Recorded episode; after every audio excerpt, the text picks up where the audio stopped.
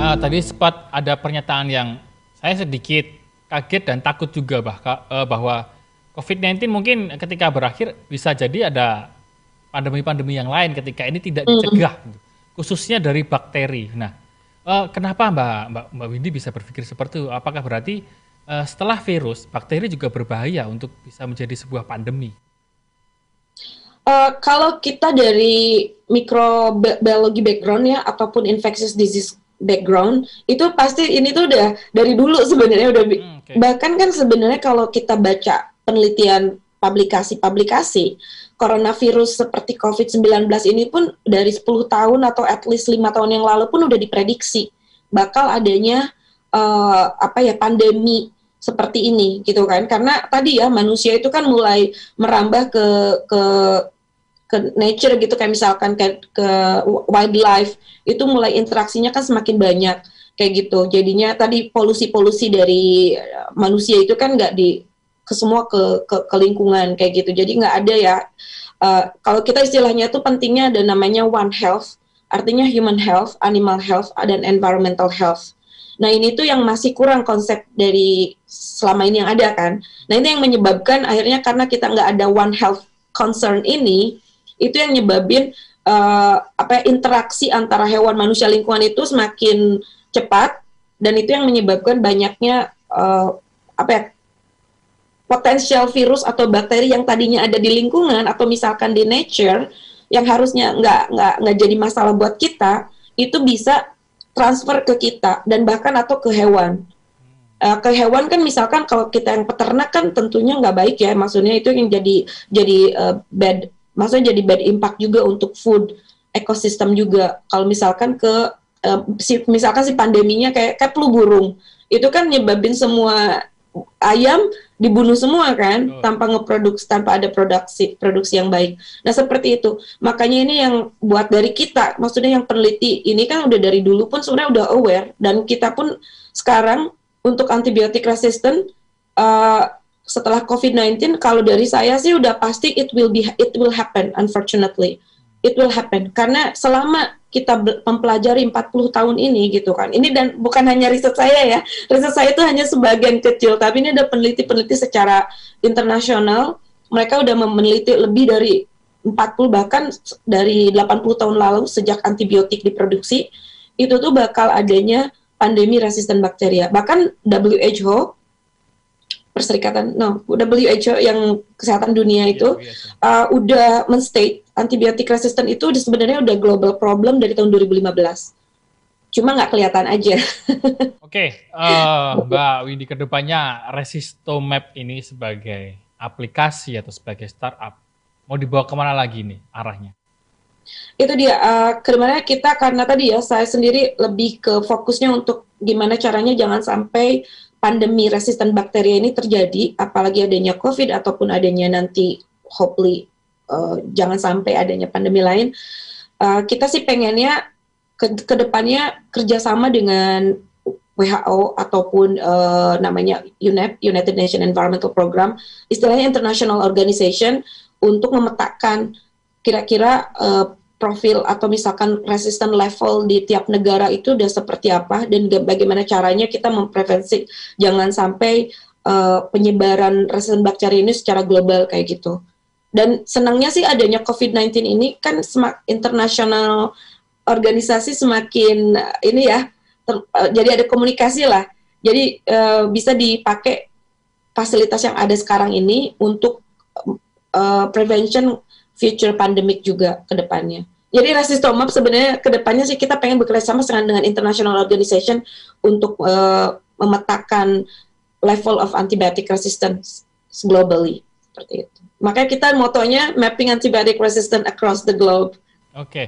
Uh, eh, kalau uh, after COVID sendiri nih, uh, Mbak Windy, apakah sudah mempersiapkan rencana-rencana khusus nih uh, sebagai ahli biotek dan juga pebisnis startup sendiri? Uh, untuk COVID ya tadi yang saya bilang uh, lebih kayaknya kita saya pengen me, apa mengencourage uh, untuk adanya wastewater monitoring untuk tadi nggak hanya untuk COVID-19 yang saat ini sedang uh, sedang happening, tapi untuk future other infectious disease seperti itu. Ya makanya saya juga lagi di Finland yang tadi saya juga ceritakan di Finland ini udah ada dan nanti rencana pengen di build di Indonesia bareng-bareng dengan hopefully dengan uh, lead bankers dan dan tentunya uh, apa sih sih? Uh, tenaga ahli tenaga ahli lainnya di Indonesia.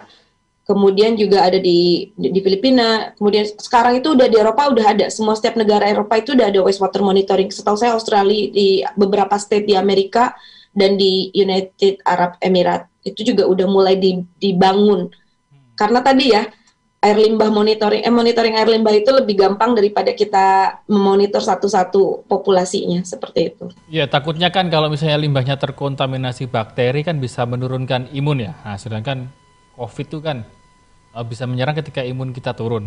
Mungkin uh, peran dari resistomap itu ada di antara uh, garis itu. Apakah seperti itu, Mbak? uh, kita lebih ke apa ya memberikan data. Oh datanya. Jadi data kita lebih memberikan critical data atau informasi yang penting. Jadi di mana pemerintah khususnya misalkan di sini pemerintah uh, dengan data yang kita berikan atau misalkan international organization bisa me memulai pencegahan aktivitas pencegahan. Misalkan kayak misalkan contoh nih kita misalkan melihat air limbah di beberapa uh, kan di Finland kita kita memonitor di 28 municipality itu kayak kota ya, 28 kota.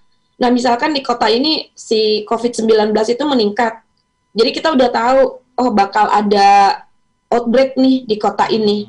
Jadi mulailah kayak lockdownnya nggak mesti seluruh Finland kan. Jadi di lockdownnya cuma misalkan si kota ini aja seperti itu.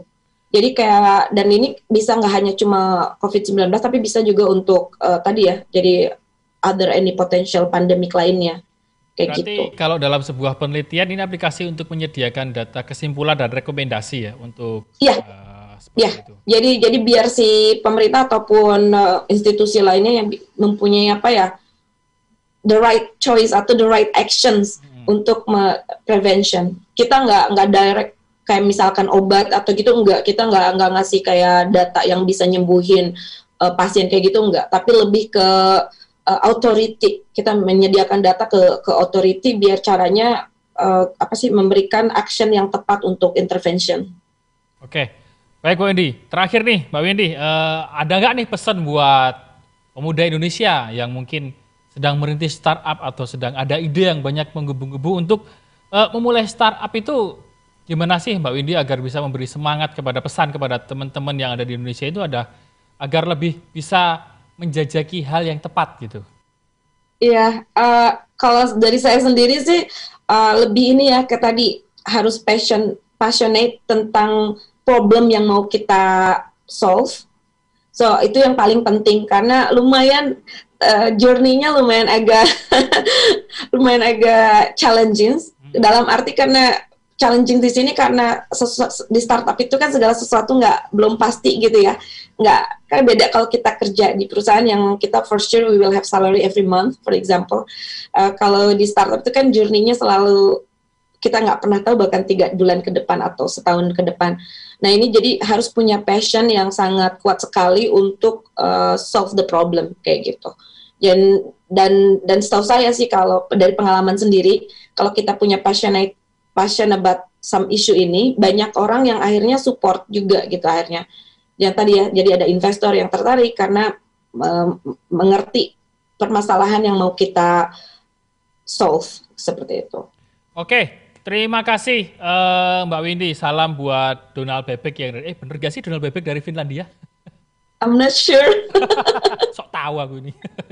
Baik, terima kasih uh, Mbak Windy Muziasari selaku co-founder and CEO of Finnish Startup Resistomap yang ini adalah putri asli Indonesia yang ternyata uh, sedang meniti karir di Finlandia baik belajar bahkan berbisnis dan membuat startup di sana. Wow, ini sangat menarik sekali bahwa kita memiliki banyak putra-putri Indonesia yang sangat bernilai ketika dia berada di uh, negara lain yang bahkan lebih maju, mereka juga bisa bersaing di sana. Dan tentunya ini bisa memotivasi teman-teman yang ada di Indonesia agar lebih terpacu lagi untuk meraih prestasi atau hal-hal yang lebih uh, diinginkan lagi ke depannya. Dan itu tadi kuncinya adalah passion harus dikejar.